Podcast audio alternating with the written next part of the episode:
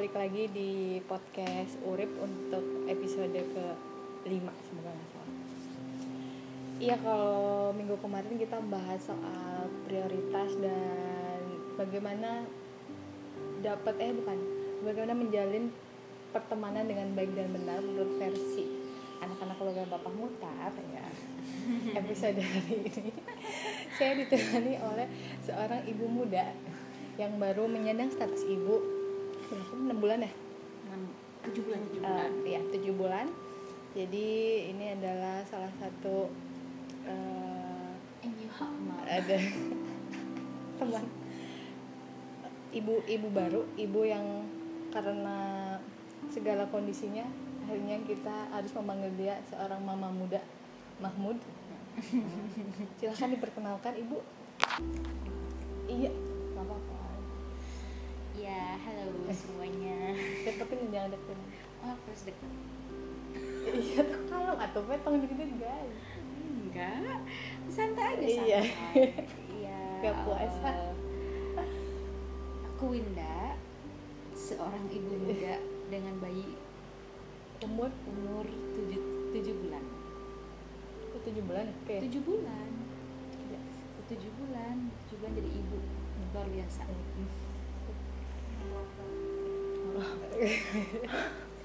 kan menyusui ya jadi eh, episode kali ini kita akan membahas seluk beluk eh bukan seluk beluk lah. Cerita cerita soal ibu muda kan. Sekarang itu sedang gencar gencarnya Indonesia tanpa pacaran menikah muda hayu gitu kan. Nah itu yang harus eh, diketahui bersama. Maksudnya eh, saya pengen di podcast ini kita share soal sebenarnya jadi ibu muda kayak gimana sih gitu. Maksudnya kan e, umur menjadi seorang ibu memang nggak ada patokannya. Bisa jadi 18 tahun ketika dia siap jadi ibu dia oke gitu. Dia akan akan enjoy menjalannya. Tapi ketika udah 40 tahun tapi dia tetap nggak siap jadi ibu ya tetap aja jadi sebuah permasalahan gitu. Nah kan kalau e, usia mainstream di Indonesia adalah 25 sampai 30 adalah eh, ibu-ibu eh, ibu muda yang eh, di masyarakat kita kalau udah 25 itu harus sudah nikah 26 nya punya anak jadi ibu dan sebagainya gitu. Nah ini kita akan sharing eh, cerita soal ibu muda ini. Jadi kayak gimana sih jadi seorang ibu gitu? Maksudnya me- menjalani kehidupan menjadi seorang ibu muda yang sebelumnya ka- sibuk dengan dunia e, karir dan sebagainya kayak gitu itu jadi sekarang kalau menurut kita pakai lungge-lungge aja apa biar enakan. Atau maneh ya nggak apa-apa lah walaupun nanti banyak yang kok kasar? Gitu. Ya nggak apa-apa. Kan aja podcast ya. kan podcast saya. Jadi mau ngomong apa aja bebas dong gitu kan. Ya. Jadi ada penonton jadi ini Pe, kalau kalau kayak house feeling being mom no kayak, kayak kamu tuh kayak sekarang jadi ibu tuh gimana sih perasaan kamu? Kayak ada yang ah ternyata jadi ibu teh kayak gini kalau mana teh kumaha kalau perasaan sih luar biasa ya. Kenapa luar biasa? Jadi seorang ibu tuh nggak gampang. Nggak gampang. Mulai dari proses hamil melahirkan sampai ngurus bayi. Itu tuh banyak banget banyak banget pelajaran yang bisa gue dapet gitu. Kewalahan kewalahan itu pasti ya namanya juga ibu baru kan banyak belajar. Kalau awal-awal tuh yang banyak begadang tidur tuh dalam sehari paling hitung jam tuh cuma satu eh sorry tiga jam. Kayaknya empat jam tuh rare banget gitu. Terus apa ya? Iya. Terus?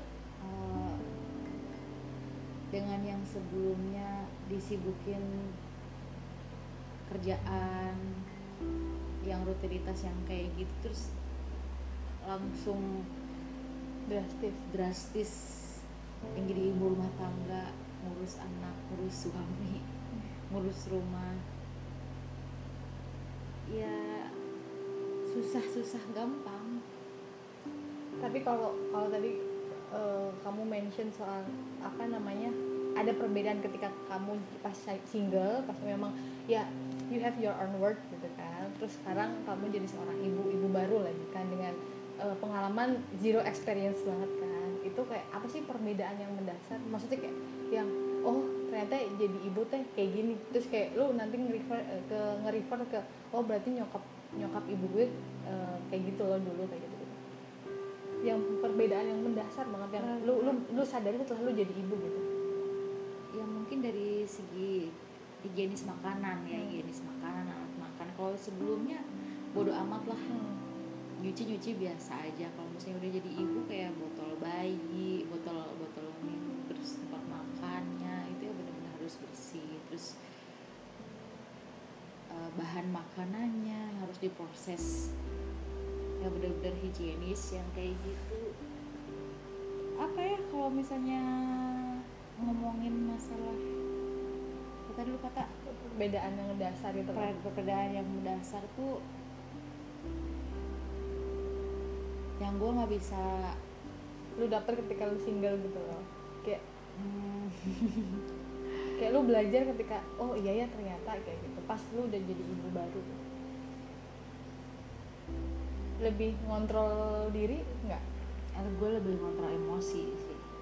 Oh, iya? sebelumnya iya kalau sebelumnya kan gampang banget yang kok emosi tuh meledak-ledak kayak Hmm. gitu. Kalau se- setelah jadi ibu tuh yang anak kayak gimana nangis kayak gitu ya wajar kalau misalnya stres ya. Hmm, namanya juga masih baru. masih baru kayak gitu cuman yang yang di sini yang yang mendasar itu yaitu emosi. Karena kan kita harus mengontrol emosi di saat kita kondisinya kurang istirahat Hmm. lelah capek yang ngurus bayi yang ngurus rumah. Itu kalau kalau lu pernah nggak sih kayak pernah terbayang nggak?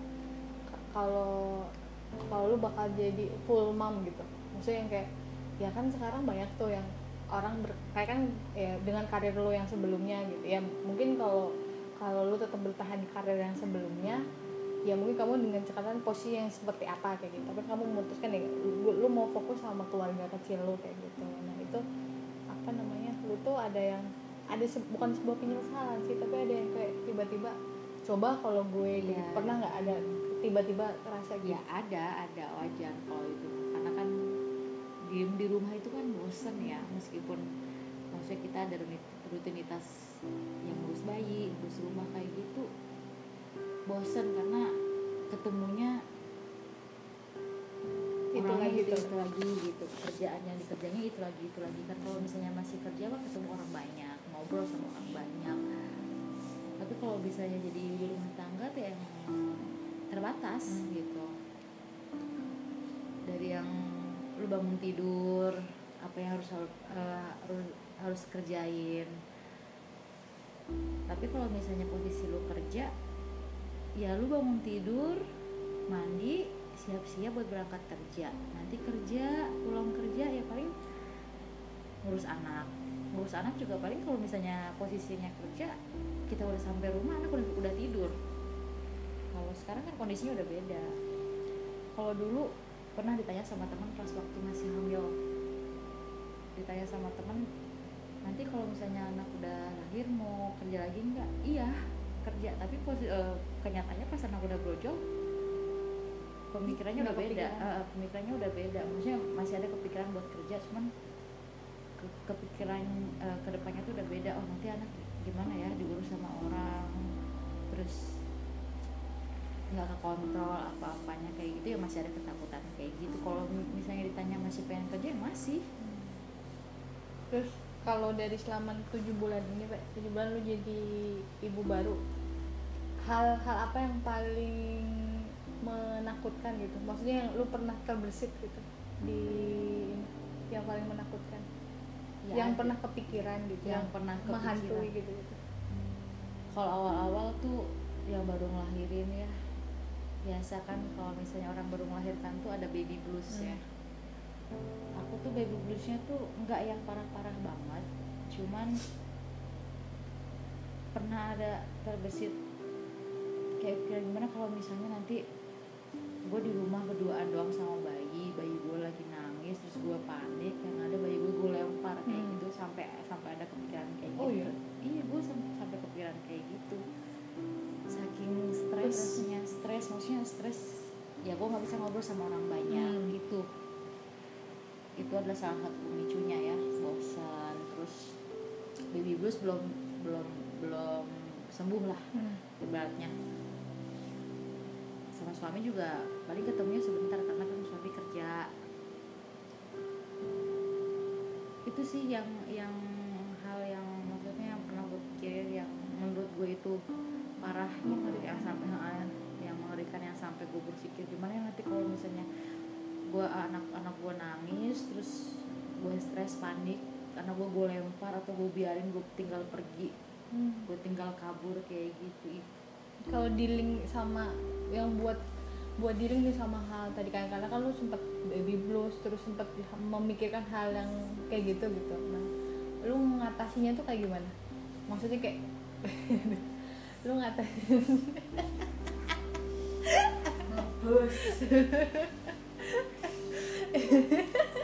maaf maaf ya para yang mendengarkan ada sebuah kejadian yang lucu tapi tidak bisa diceritakan di sini ya maksudnya lu ngatasinnya kayak ngerilis stres tadi itu kayak gimana sih atau Ya. lu tel- teleponan ke teman-teman lu telepon Ya. ke keluarga lu yang jauh gitu? paling kalau misalnya ini ya gue teleponan sama keluarga video call terus kalau kalau misalnya suami udah pulang kerja gue ke mana dulu maksudnya di luar rumah Hmm. entah cuman di depan rumah tapi gue posisinya di luar rumah ya cuman buat refresh aja kayak gitu. Terus kalau misalnya kayak gue misalnya cuman ke Indomaret aja itu tuh udah feel apa ya relief gitu iya kayak gitu. Kayak misalnya atau enggak gue nonton nonton variety show Korea atau drama Korea yang kayak gitu sih. Tapi sebenarnya itu tuh nggak nggak banyak mengurangi Hmm. nggak banyak nge-relief stres gue. Cuman ya yang lumayan yang lah paling signifikan dari itu semua yang setidaknya bisa diskris itu. Oh ya ya stres mana? Apa gitu nyanyi nyanyi nggak jelas. Nyanyi nyanyi nggak jelas lah. Terus terus ya kalau misalnya suami libur kerja kita jalan-jalan. jalan-jalan itu lumayan lah. belanja belanja Maksudnya gua- gitu? Iya lumayan. Maksudnya itu kan gue banyak ketemu sama orang gitu. Atau enggak gue ngecocokin ya kayak si Mbak Tice ini. Yang gue Mbak Tice dan ada Mbak Nuri. Duh, Nuri lagi disebut nih katanya. Iya yang selalu gue recokin untuk main dong ke rumah bla bla. Kayak gitu paling nah kalau udah ini bering kayak berapa ya jadi anak dia namanya K. Kayak K. K kan berarti udah di berapa sih? tujuh bulan ya. Berarti kan bulan. udah ada proses. Dia dari orok bayi merah sampai sekarang dia udah eh, punya berbagai gaya gitu kan. Udah banyak tingkah ya. Tapi momen-momen yang buat lu terharu banget itu apa sih Pe? maksudnya pasti banyak momen tapi yang yang ngebekas banget di, di lu ngebesarin case sendiri tanpa maksudnya jauh dari orang tua gitu gitu.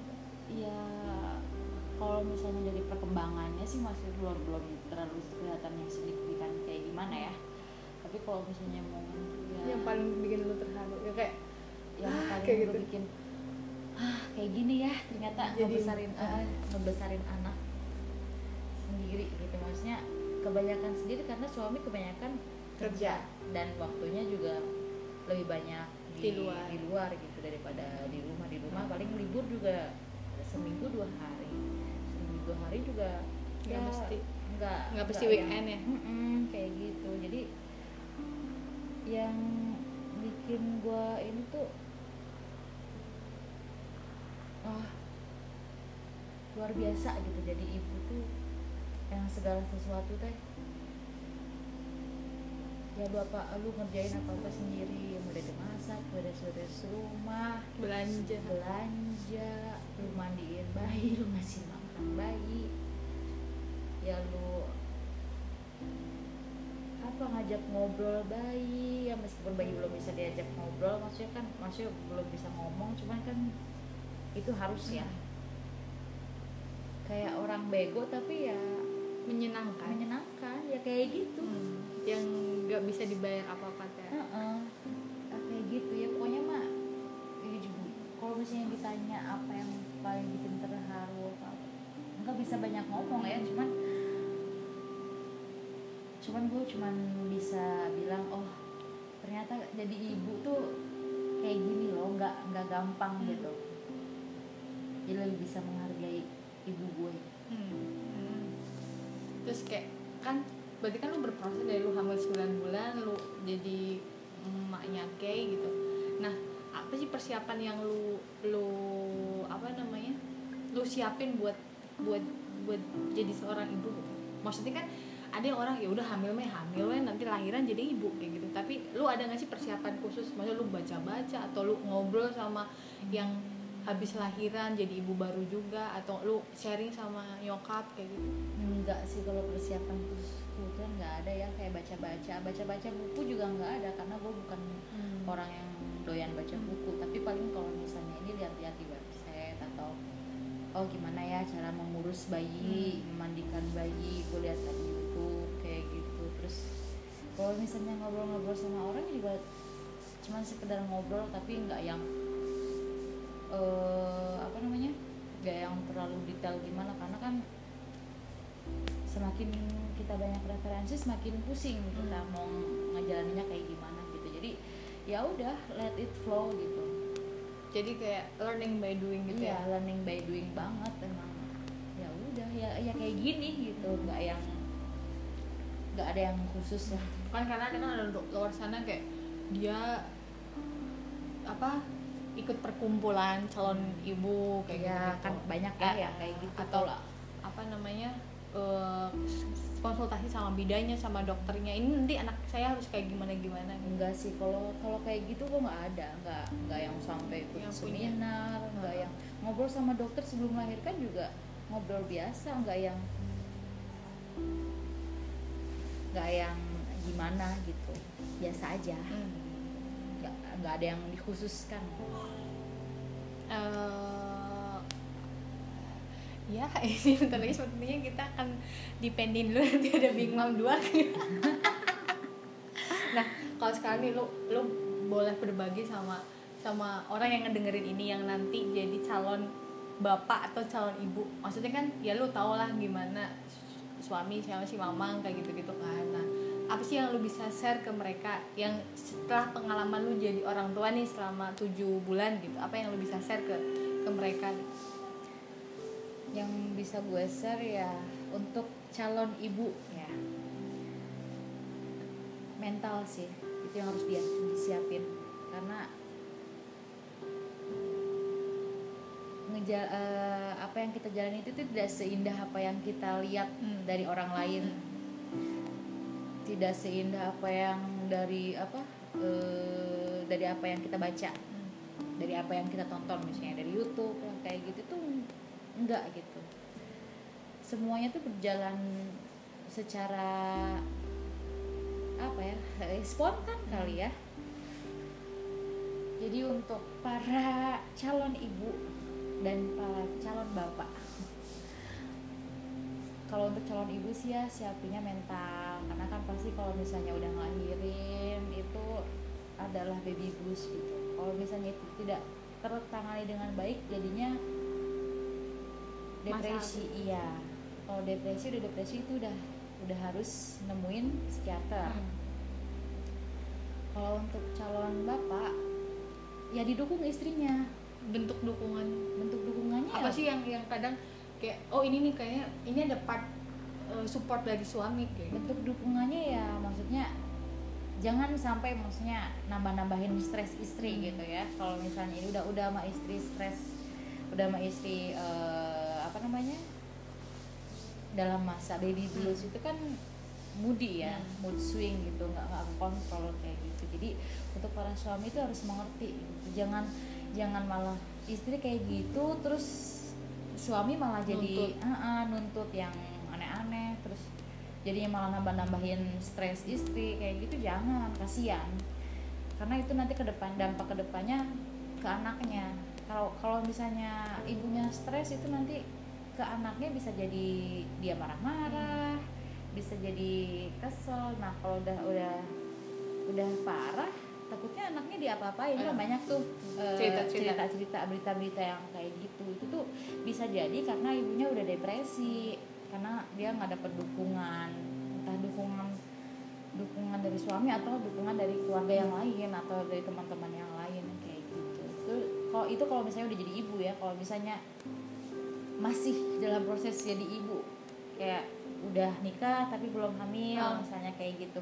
Udah nikah belum hamil ya itu kan sensitif ya kalau misalnya ada pertanyaan. Kapan punya kapan anak? ah, kapan punya anak? Itu kan namanya hamil anak itu kan rezeki ya. Hmm. nggak bisa nggak bisa di eh, diprediksi oh iya nanti udah nikah pasti langsung langsung hamil. Kayak gitu kan nggak mungkin.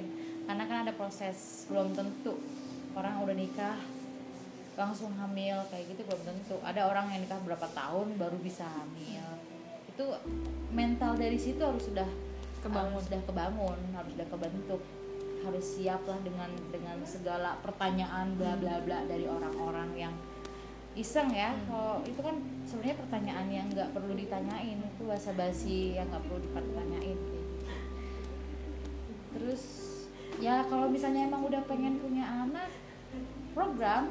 Program ke dokter atau? Program ya kalau misalnya bisa program sendiri atur target lah. Kalau Hmm. misalnya udah berapa tahun nikah oh ya gue tuh pengen punya anak tapi gue belum belum bisa maksudnya belum belum belum belum dapat rezeki gue belum hamil hamil iya Heeh, Ikhtiar. mama. Iya ikhtiar. Anakku bangun nih mama. Jangan ngobrol aja. Nanti ya dek. ya. Sama babysitter dulu ya. Sama sama si Lalala eh bukan sama Mary. Iya sama Om Mary.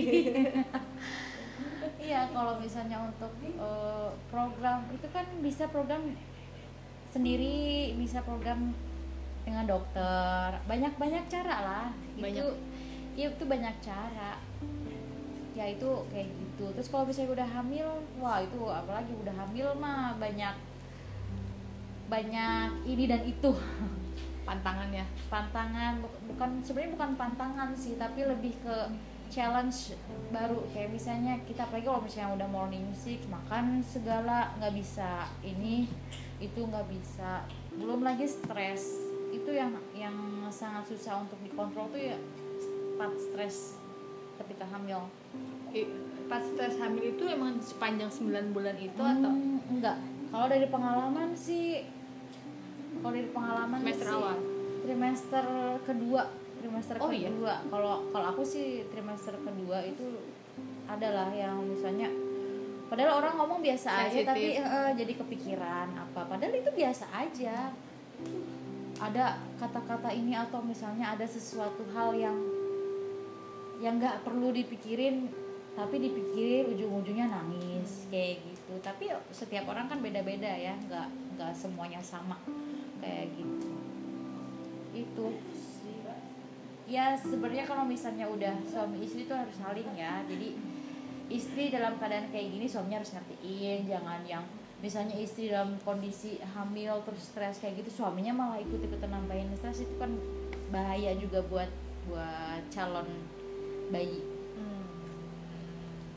Nah, kalau kalau ini buat buat orang-orang yang sekarang nggak bukan galau dia sedang sedang bimbang gitu loh antara memilih kan kamu pernah pada posisi kamu punya karir yang bagus punya pekerjaan yang settle kemudian kamu memilih untuk jadi eh, apa full mom gitu. Nah apa namanya kayak apa sih hal yang mungkin lu bisa share lah bisa share eh, apa namanya ketika dia ada orang yang galau dengan pilihan itu gitu apa yang kemudian harus di- dia dia renungi soal itu gitu kayak memilih ini antara gue mau tetap di karir aja atau kemudian yaudah gue akan lepas karir demi gue jadi full mom.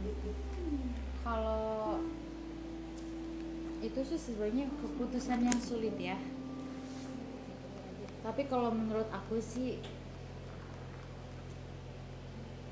melihat perkembangan dan pertumbuhan anak sendiri 24 jam ya itu tuh luar biasa ngurus anak 24 jam itu luar biasa paman. terus terus. Paman yang mana? Itu tuh luar biasa gitu. Jadi apalagi kalau misalnya harus oh, ninggalin jangankan ninggalin anak buat kerja 8 jam 9 jam 12 jam atau mungkin lebih baru ninggalin anak 15 menit aja buat ke Indomaret depan aja itu kayaknya udah kepikiran gitu ya itu itu tuh yang yang yang beratnya tuh itu apalagi buat ninggalin anak kerja Berjam-jam. berjam-jam kayak Dititipin. gitu. dititipin ke orang lain ya syukur-syukur kalau misalnya dititipin ke neneknya sendiri kayak gitu tapi kalau misalnya dititipin ke orang lain tuh kan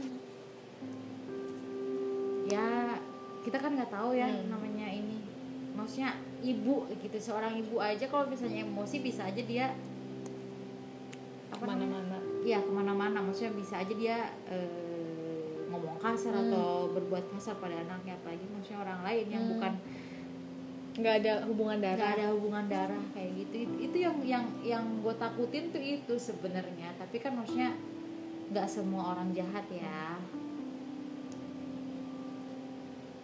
jadi nggak kalem gue. Suka itu kalem. Enggak. Udah bentar lagi selesai ada iya Allah kamu lemas. Deh Iya, Malah nih masih sibuk. apa namanya? Jadi pada intinya sih balik balik kalau soal pilihan tadi, pilihan antara menjadi tetap menjadi seorang wanita karir atau menjadi ibu rumah tangga. Eh bukan ibu rumah tangga, Itu tuh- ibu 24 jam balik ke individunya masing-masing kan. Iya, Artinya- itu karena kalau menurut aku sendiri itu tuh pilihan yang sulit gitu. Satu satu sisi maksudnya kita ingin ya kalau misalnya berkarir itu kan pikirannya oh ya kita adalah refresh sedikit. Hmm, refresh ketemu sedikit, orang ketemu baru. orang baru ketemu orang banyak. Jadi kan kita nggak stres nggak bosen. Jadi kita maksudnya ngurus anaknya lebih happy lebih enjoy kayak gitu. Tapi itu kan di satu sisi berat juga ninggalin anak buat kerja berjam-jam. Kalau misalnya ngurus anak di rumah berdoa sama anak itu bosen Pasti ada titik bosannya. Iya, pasti ada titik bosannya karena kan rutinitasnya Itu itu, lagi. itu aja. Iya, itu lagi, itu lagi bangun tidur sampai mau tidur kayak gitu Ya, terus. Udah hafal lah gitu. Heeh. Kayak jam jam 7 masak air gitu ya. Iya. Jam setengah 8 mandiin. ketemu sama orangnya juga kan ah jarang banget. Itu yang mungkin tambah bikin bosen dan bikin stres itu karena kita ngobrol sama orang jarang jadinya. Itu mungkin- gimana masing-masing ya sebenarnya kalau misalnya untuk keputusan itu. Cuman kalau dari pengalaman aku sih ya itu kalau misalnya ngurus anak berduaan sama anak di rumah ya bosen ya stres kayak gitu ya. Ada pikiran buat aduh gue pengen kerja deh tapi anak gue nanti gimana ya Hmm, jadi dilematis gitu ya. Kak? dilema ya anak gue nanti gimana ya kalau misalnya dititipin ke orang lain gue juga nggak mau gitu Hmm. kalau misalnya sama neneknya neneknya jauh bo Hmm. nggak di satu kota gitu kan jadi banyak inilah banyak dilema lah Oke. Ini last last question ya, bukan last question sih. Ada. Itu apa makanan? yummy bites Oh, enak itu. Enak. Boleh. Hmm, satu kata yang ngegambarin jadi seorang ibu baru apa? satu kata yang gambarin jadi ibu baru. Stres atau apa? eh jujur ya, ya kan ada orang yang jadi ibu baru, oh wonderful, awesome gitu ya padahal. Stres tapi enjoy. Eh, jadi itu ya. stres tapi enjoy. Gimana itu mah gimana eh, kita menyikapinya? Hmm. Sebenarnya gimana balik lagi ke masing-masing gimana menyikapinya. Kalau kalau aku sih kalau boleh jujur ya stres ya. Karena kan kalau ke kalau kita ambil contoh kayak kita naik pesawat berapa jam jadinya kan jet lag kayak gitu. Ya itu itu. rasanya. iya. Stres dan Ba- bosan bosan ya jadi balik ke pinter-pinternya gimana ngelola stres itu kan pertama maksudnya kayak dari yang, yang lu ceritain pe eh, apa namanya pertama soal bagaimana ngelola stres itu sendiri gitu ya emang emang nggak bisa kemudian itu akan rilis dengan lu nonton drama dia akan Iya. rilis gitu Bukan dia pegang sendiri. tapi kemudian ya gimana kemudian kita punya manajemen stres yang baik terus kayak eh, apa sebenarnya kan kegiatan ya mungkin rutin rutinitas di ngurus rumah tangga nggak seperti itu tapi Iya. kemudian kita bisa selingi dengan hal-hal yang menyenangkan Iya, gitu. ya hobi lah apalah ya cuman sebatas lihat-lihatin misalnya online shop apa baju-baju anak atau baju-baju kita tapi nggak dibeli itu kan maksudnya setidaknya itu tuh lumayan lah tim screenshot ya Iya, tim screenshot tanpa beli ya. tanpa beli. Tim masukin keranjang nggak dicekot-cekot. Iya. Jadi eh, buat semuanya itu artinya balik lagi sih kalau ngomongin ya sebenarnya apa pun itu nggak ada yang mudah. gitu. nggak ada, nggak ada yang mudah. Even dia udah udah berpengalaman jadi ibu sebelumnya terus baru ada bayi lagi, itu pasti ada stresnya, pasti ada. Karena kan karena kan eh, beda-beda ya kondisi pada saat kondisi pada saat ibu baru melahirkan itu psikisnya pasti masih masih belum ini Stabil. balik masih belum stabil Artinya kan emang mood juga ngaruh kan. iya mood swing karena kan hormon ya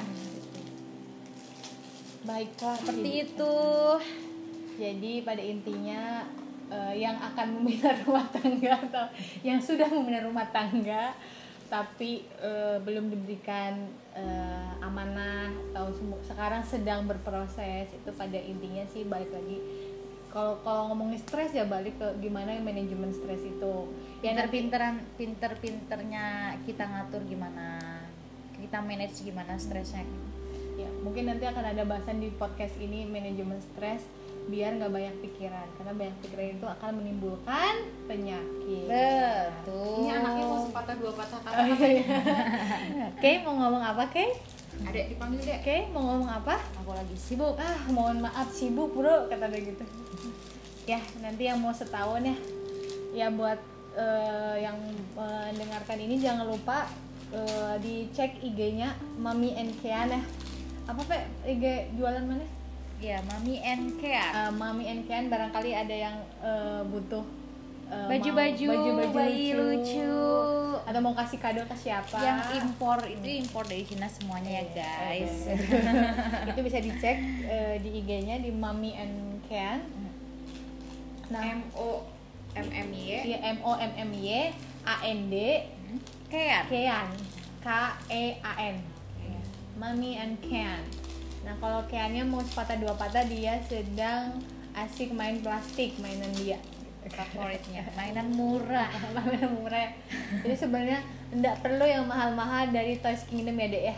nggak perlu cukup kasih plastik Berwarna-warni. berwarna-warni atau plastik tidak berwarna juga dia usak-usak sendiri udah asik banget Ya, jadi eh, intinya itu sih obrolan singkatnya karena ini nggak ini tidak akan panjang karena buntut satu itu sudah meminta susu sepertinya atau minta main apa? Minta main, jatah ya, minta jatah. Oh my god. jamprem jamprem ya jadi intinya sih pada prinsipnya jadi seorang ibu mau itu ibu baru mau ibu lama yang udah ini nggak nggak mudah semuanya balik balik gimana gimana kitanya kalau kemudian ngomongin eh, pilihan antara jadi wanita karir atau ibu full time itu balik lagi sih balik lagi ke pilihan individu masing-masing kayak gitu. Artinya ya setiap orang punya mana yang jadi prioritasnya mana yang memang menurut dia itu pilihan yang terbaik untuk dia anaknya kayak gitu. Nah tadi juga ada pesan dan pesan dari eh, ibu muda ini untuk para suami untuk